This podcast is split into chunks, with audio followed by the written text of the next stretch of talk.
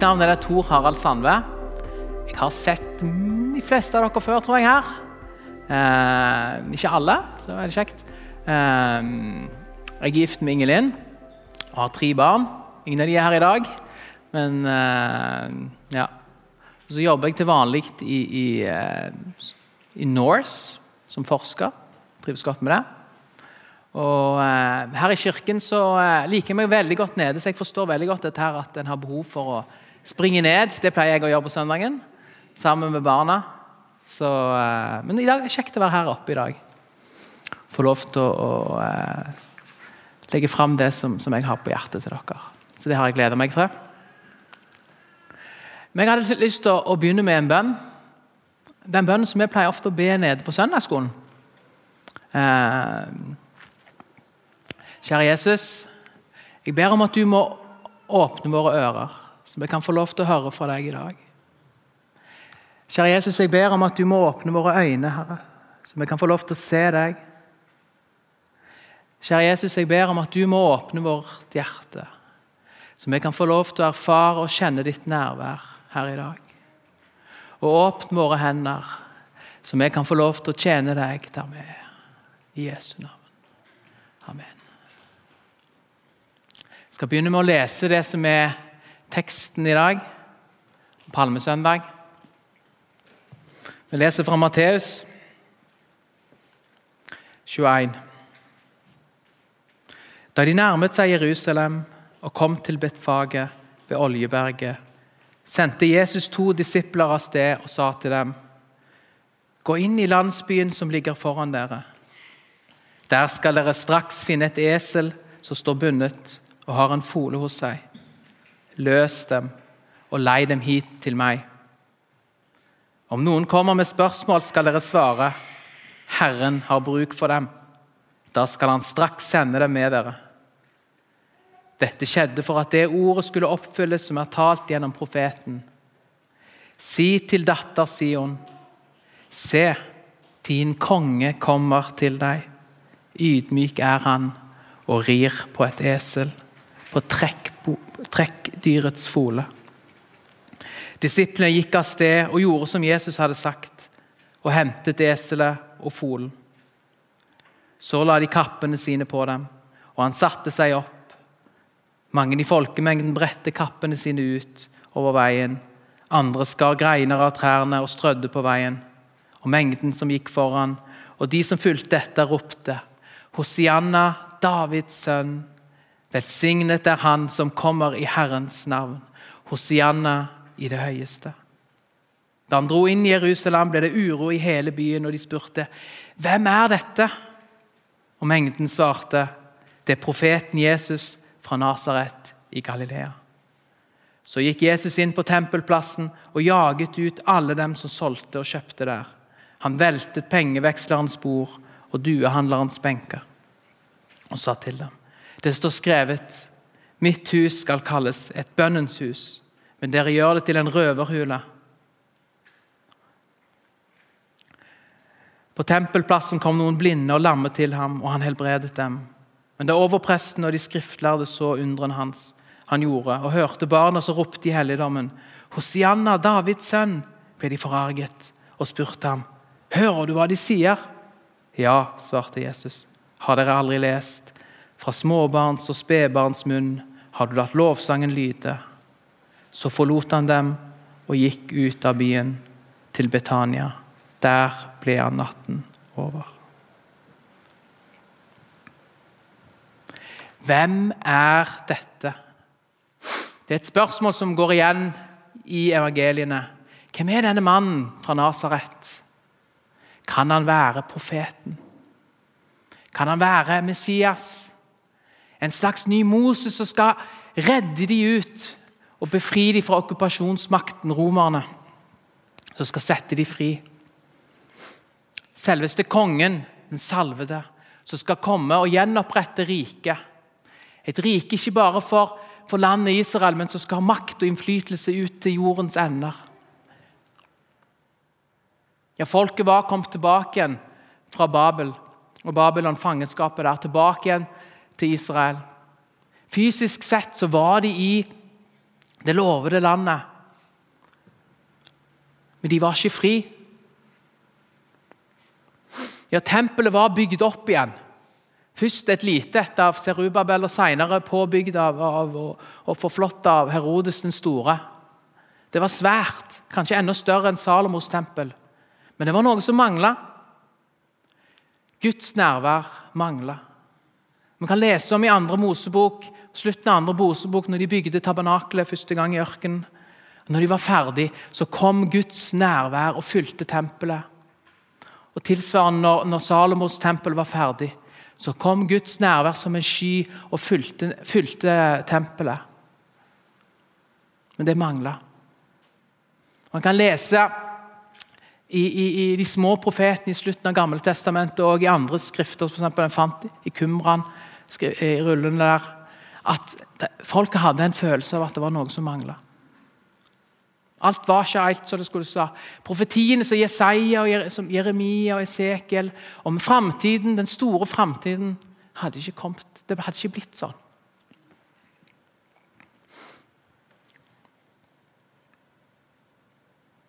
Eksil. Hvorfor hadde de havna i eksil? Hvorfor hadde de havna i, i fangenskap i Babylon? Ja, hva var det som hadde skjedd? Da må vi tilbake igjen, igjen til Sinai. Og den pakten som, som, eh, som israelittene og Gud hadde der Enkelt forklart så gikk det ut på at hvis israelittene holdt budene, så skulle Gud gi dem et, et, land, et geografisk område. Han skulle velsigne dem, han skulle beskytte dem, og han skulle være der sammen med dem med sitt nærvær. Og Budene kan oppsummeres med det dobbelte kjærlighetsbud om å elske hverandre og elske Gud. Hvordan gikk det? Det gikk dårlig. De lyktes ikke med det. Og de ble ført i eksil. Gud tok vekk sin beskyttelse og sitt nærvær. Og de ble et lett bytte for stormaktene som var i områdene rundt der.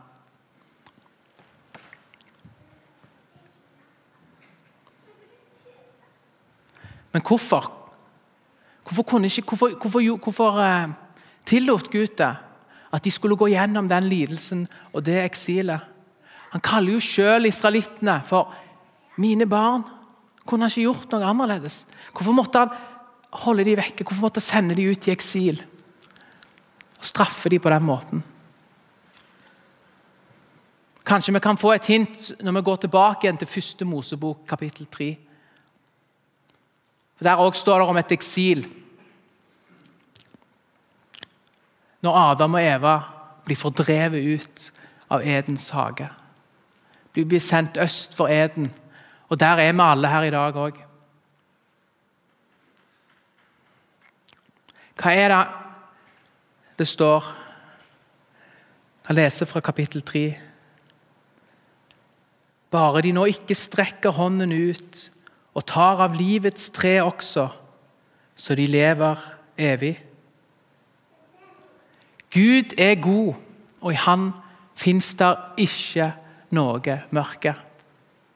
Og Gud er altfor glad i oss til at han kan tillate en verden hvor det onde eksisterer for all evighet. Det kristne og jødiske virkelighetsbildet eller verdensbildet det er ikke som yin-yang, der du har på en måte det gode og det onde som eksisterer samtidig og skal eksistere i, i all evighet og driver hjulene framover. Nei, nei. Det onde er en okkupant. Mørket er et fremmedlegeme her. Det er ikke sånn det skal være, og det er ikke sånn det skal bli.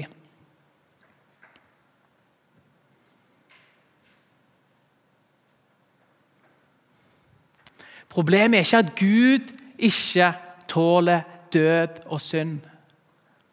Problemet er at synd og død ikke tåler Gud.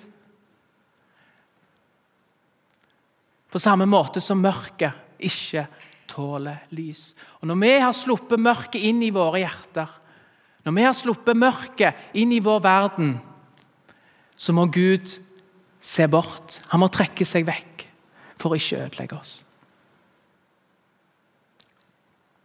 Og han må sende oss ut i eksil.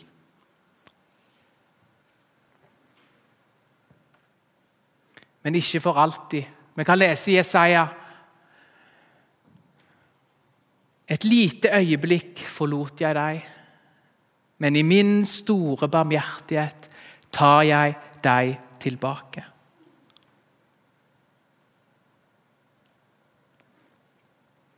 La oss vende tilbake igjen til Jerusalem og teksten i dag. Ut forbi Jerusalem. De er på vei opp. Vi kan se for oss diskusjonen går livlig. Hvem er denne mannen? Kan han være Messias? Jeg har hørt han har, han har eh, helbreda blinde. De kan se nå. Og I morges så hørte jeg at han til og med hadde reist opp en mann fra de døde. Han kan være Messias. Tenk om han er Messias. Kongen som vi har venta på, som skal befri oss.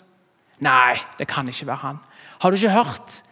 De religiøse eliten, lederne, fariseerne, de vil ikke anerkjenne ham.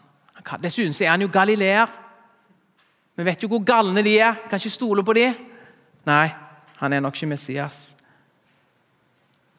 Og han har på en måte, han har jo ikke i hvert fall Hvis jeg leser, leser evangeliene, kanskje spesielt unntak av Johannes, men så er de veldig sånn, en sånn hemmelighet rundt dette. her.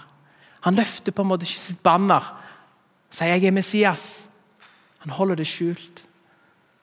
Litt samme spenningen som du har fra, fra, fra 'Ringenes herre' for de som liker fantasier. Skal Aragon løfte sitt, skal han si og proklamere at han er kongen? Eller 'Wheel of Time', 'The Dragon', hvis det er de som liker det. Jeg er glad i fantasy, da, sorry. Men, men uh, hvem er denne mannen?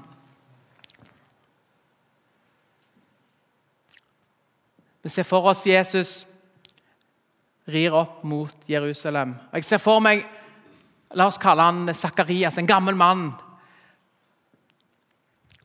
Se!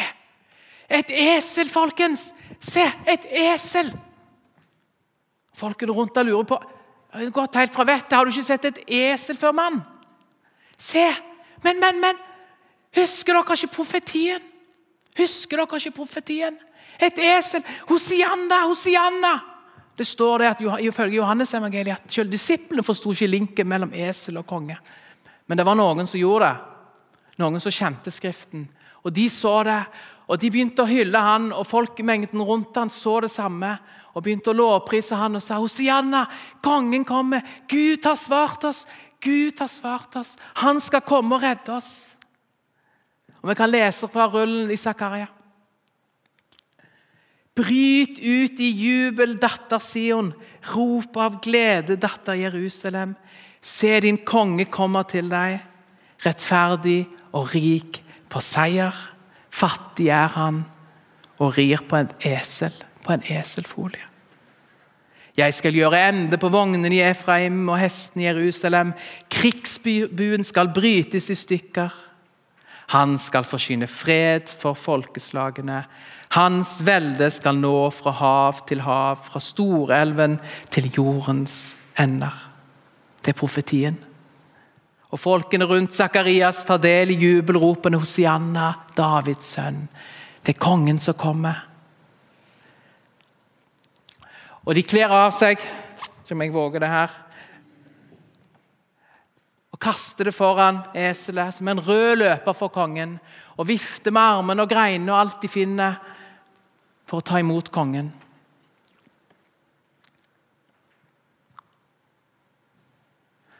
Vi kan også se for oss soldatene som står oppe på bymuren. Så ser vi mistenksomme blikk ned på det som skjer. Okkupasjonsmakter og tyranner har aldri likt folkemengder som er glad. Stopp! Du må få dem til å stoppe! Det er fariseerne som kommer springende. Jesus, har du gått fra vettet? De forstår linken med en gang. Esel, Messias. Og de er livende redde. Mester, tal disiplene til rette, kan vi lese i Lukas, i parallellteksten i Lukas. De kan, myser kanskje forsiktig opp mot de romerske soldatene. Dette kan ikke ende godt. For det har jo ikke endt godt sist gang. Jeg mener, kan, Det er under 30 år tilbake i tid til de store galileiske opprøret som kanskje først og fremst var et skatteopprør etter Herodes' store død. Men det gikk under parolen 'Vi har ingen konge, Gud er vår konge'. Og Ifølge Josefus så var det over 2000 som ble korsfesta. Så når Jesus rundt, står forbi Cesarea Filippi og snakker om å ta opp sitt kors, så er det ikke noe abstrakt bilde på å følge Jesus som de hører. De har kanskje sjøl venner og familie som har blitt korsfesta der, nettopp fordi at de protesterte mot okkupasjonsmakten.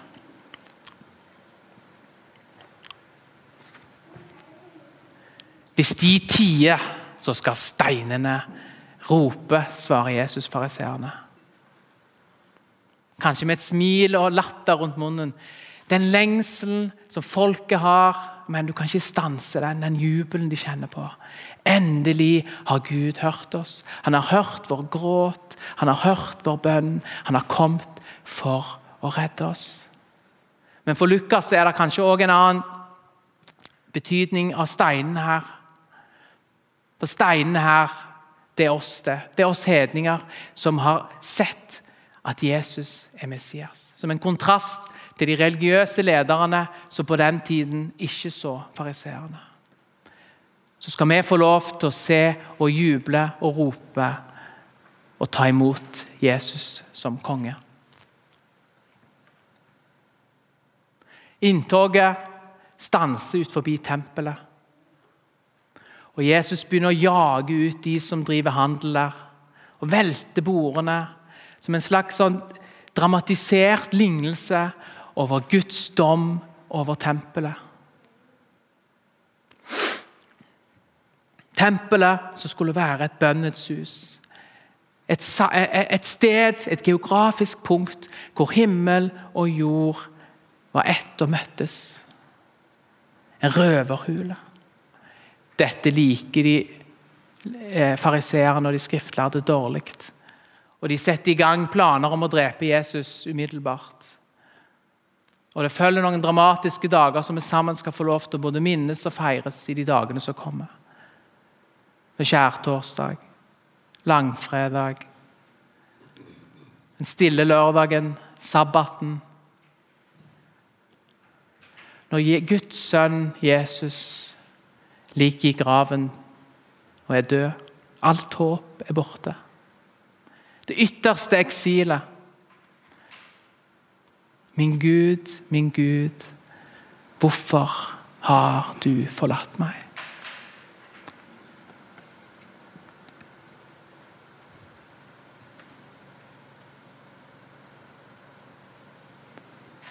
Så kommer oppstandelsesdagen, påskemorgen.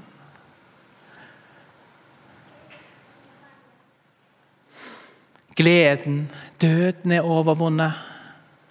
Seieren er vunnet. Eksil er forbi, synden er sona. Og Guds folk er rekonstituert rundt Jesus Messias. Men hvordan er det mulig? Det ytterste nederlag til seier. Vi møter to av Jesu disipler på vei til Emmaus senere den dagen. Og De sier til en fremmed de møter langs veien, og gir uttrykk for den, den, den uh, Vi som hadde håpet at det var han som skulle befri Israel. En død Messias. En korsfesta Messias. Nei, det må være en fake Messias. Det er ikke umulig.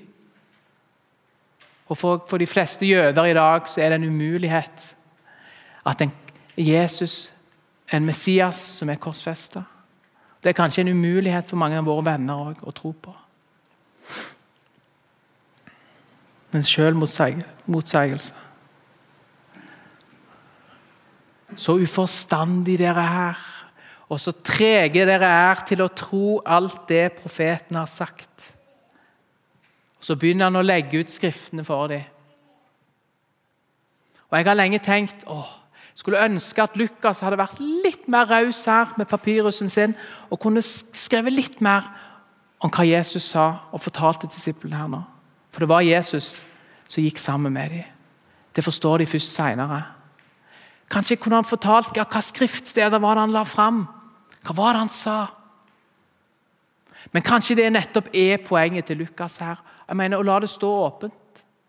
For går vi ikke alle sammen med Jesus på vei til Emmaus hver søndag når vi møtes sånn som vi gjør nå til gudstjeneste, og sammen får høre når vi hører Skriften bli lest og utgreid og levendegjort, når vi sammen lovsynger Han, feirer nattverd sammen og ber sammen. Og Er det ikke sånn noen ganger folkens, at vi går til gudstjenesten med tungt om hjertet? Og Når vi går hjem igjen, så går vi hjem med en glede og en fred som vi ikke hadde når vi kom. Og en underlig følelse om at Jesus han var sannelig her sammen med oss. Er det ikke sånn?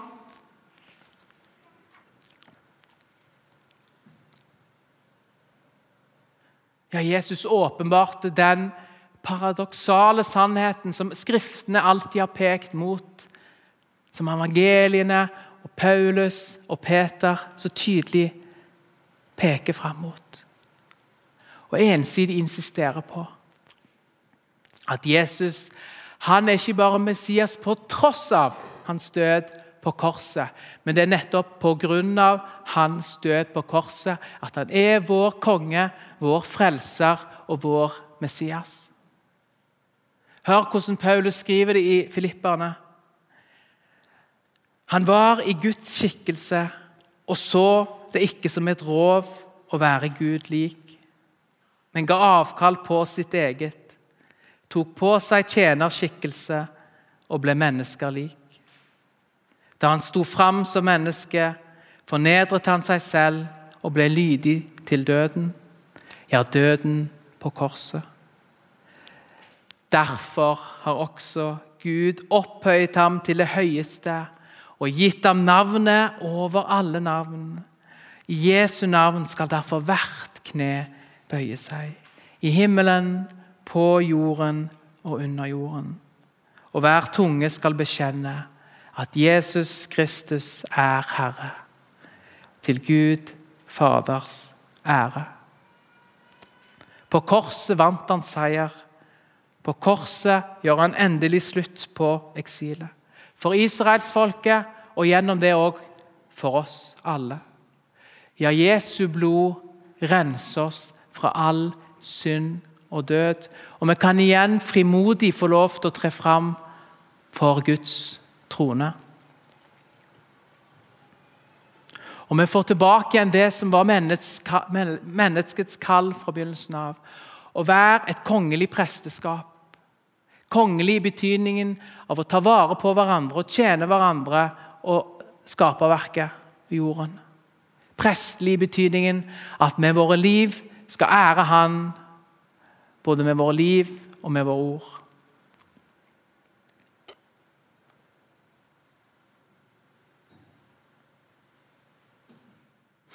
Ja, Det var som om all ondskapen i verden samla seg om Jesus på korset. Det var justismord, det var okkupasjonsmakt og brutalt diktatur, imperialistisk brutalitet. Det var tortur, det var svik av nære venner. Var det lidelsen, det at han lei, så ga han seier? At han passivt lot seg ramme? Nei. Det finnes en kraft folkens, som er sterkere og større enn all ondskap. Og det er Guds kjærlighet. Og Som de første lysstrålene på sol, soloppgangen trenger seg ned i de dypeste daler og fortrenger mørket, så har Guds kjærlighet og Guds kraft fortrengt mørket og vonde.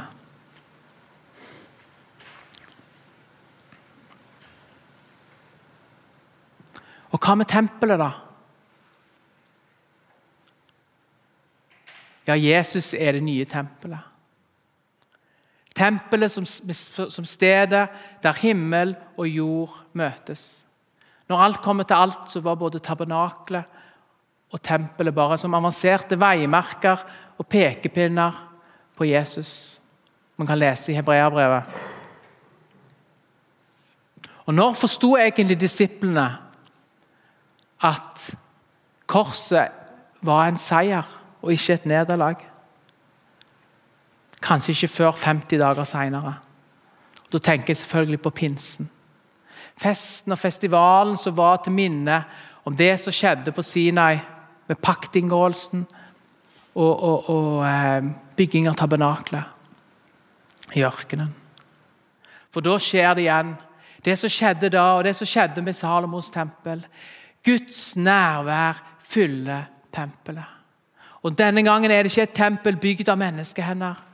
Er et tempel av levende steiner. Av oss som følger Jesus, som er hans folk. Og Jesus Messias er hjørnesteinen.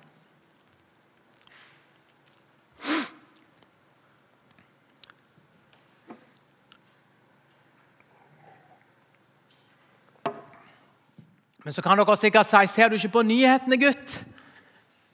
Hæ? Hvordan kan du påstå at Jesus har vunnet over død og ondskap? Hvis han er verdens konge, så er han ikke mye til konge her. De onde fortsetter å gjøre det de alltid har gjort. Og brutaliteten er der, enten det er på skolegården eller blant nasjoner. De sterke undertrykker de svake. Og hvis en, kan, hvis en er ærlig med seg sjøl, kan en også kjenne i sitt eget hjerte hvordan likegyldighet og mangel på kjærlighet, endog ondskap, gjør seg gjeldende. Seier du, liksom? Er det ikke patetisk? Er det ønsketenkning? Hvordan kan vi påstå det?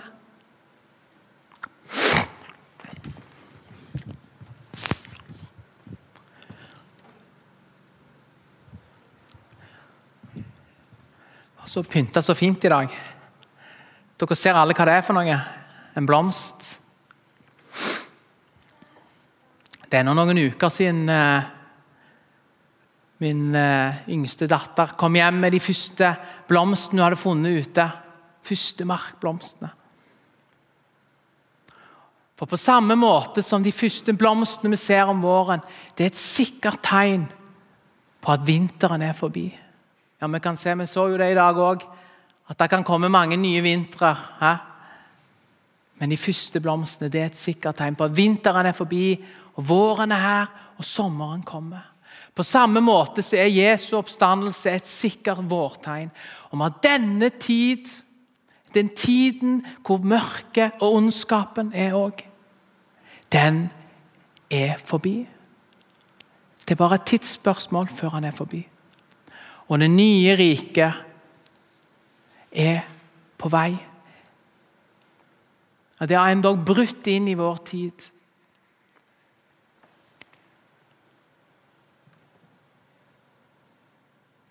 Ja, onde krefter vil fortsette å gjøre sitt. Sorry. Forkjølelse gjelder ennå. Her. De vil fortsette å fornedre, og med hver lidelse og død òg for oss. Men kanskje den paradoksale sannheten som åpenbartes på korset, kan den gjelde oss òg? Oss som kristne, oss som, som, som kirke. At seieren blir vunnet i nederlag, i lidelse, i smerte. Ikke fordi at lidelse er noe godt i seg sjøl, nei. Men fordi at det fins en kraft som er større, og det er Guds kjærlighet. Det er ikke sånn at Hvis vi blir slått ned, så er det automatikk i at vi spretter opp. Jeg, mener, jeg har lest det i noen sånn kiosklitteratur. Men, men det er ikke sånn verden fungerer. Men fordi at det er én, sånn som Paulus skriver Det er ingenting det er ingenting som kan skille oss fra Guds kjærlighet i Jesus Kristus. Det er et navn som er større enn alt, sang vi her når vi kom inn som er større enn ondskap, som er større enn mørke.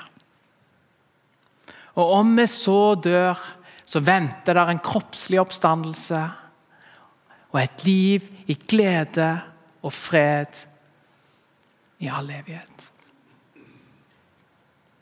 Og Vi har også fått Ånden som en første frukt på den tiden som kommer.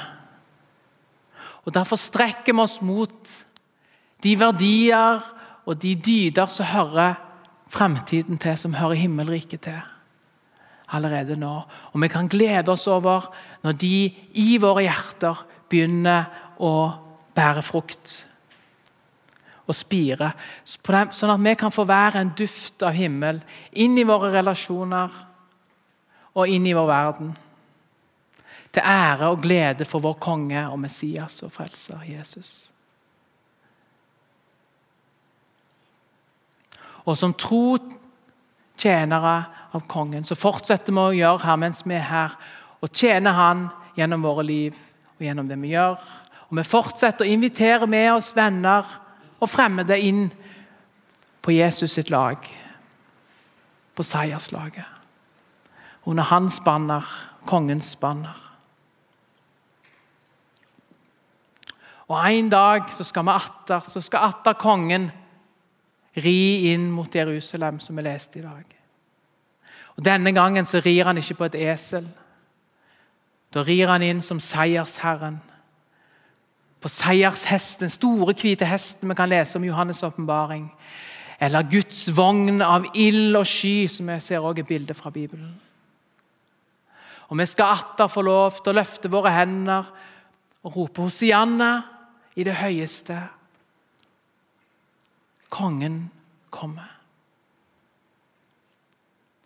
Da, bare, da, er det ikke bare israelsfolket, men da er vi her alle nasjoner sammen. Og Vi skal få lov til å hylle han. Og han er fremdeles vil være lammet som er slått, som er slakta. Verdig all vår pris i all evighet.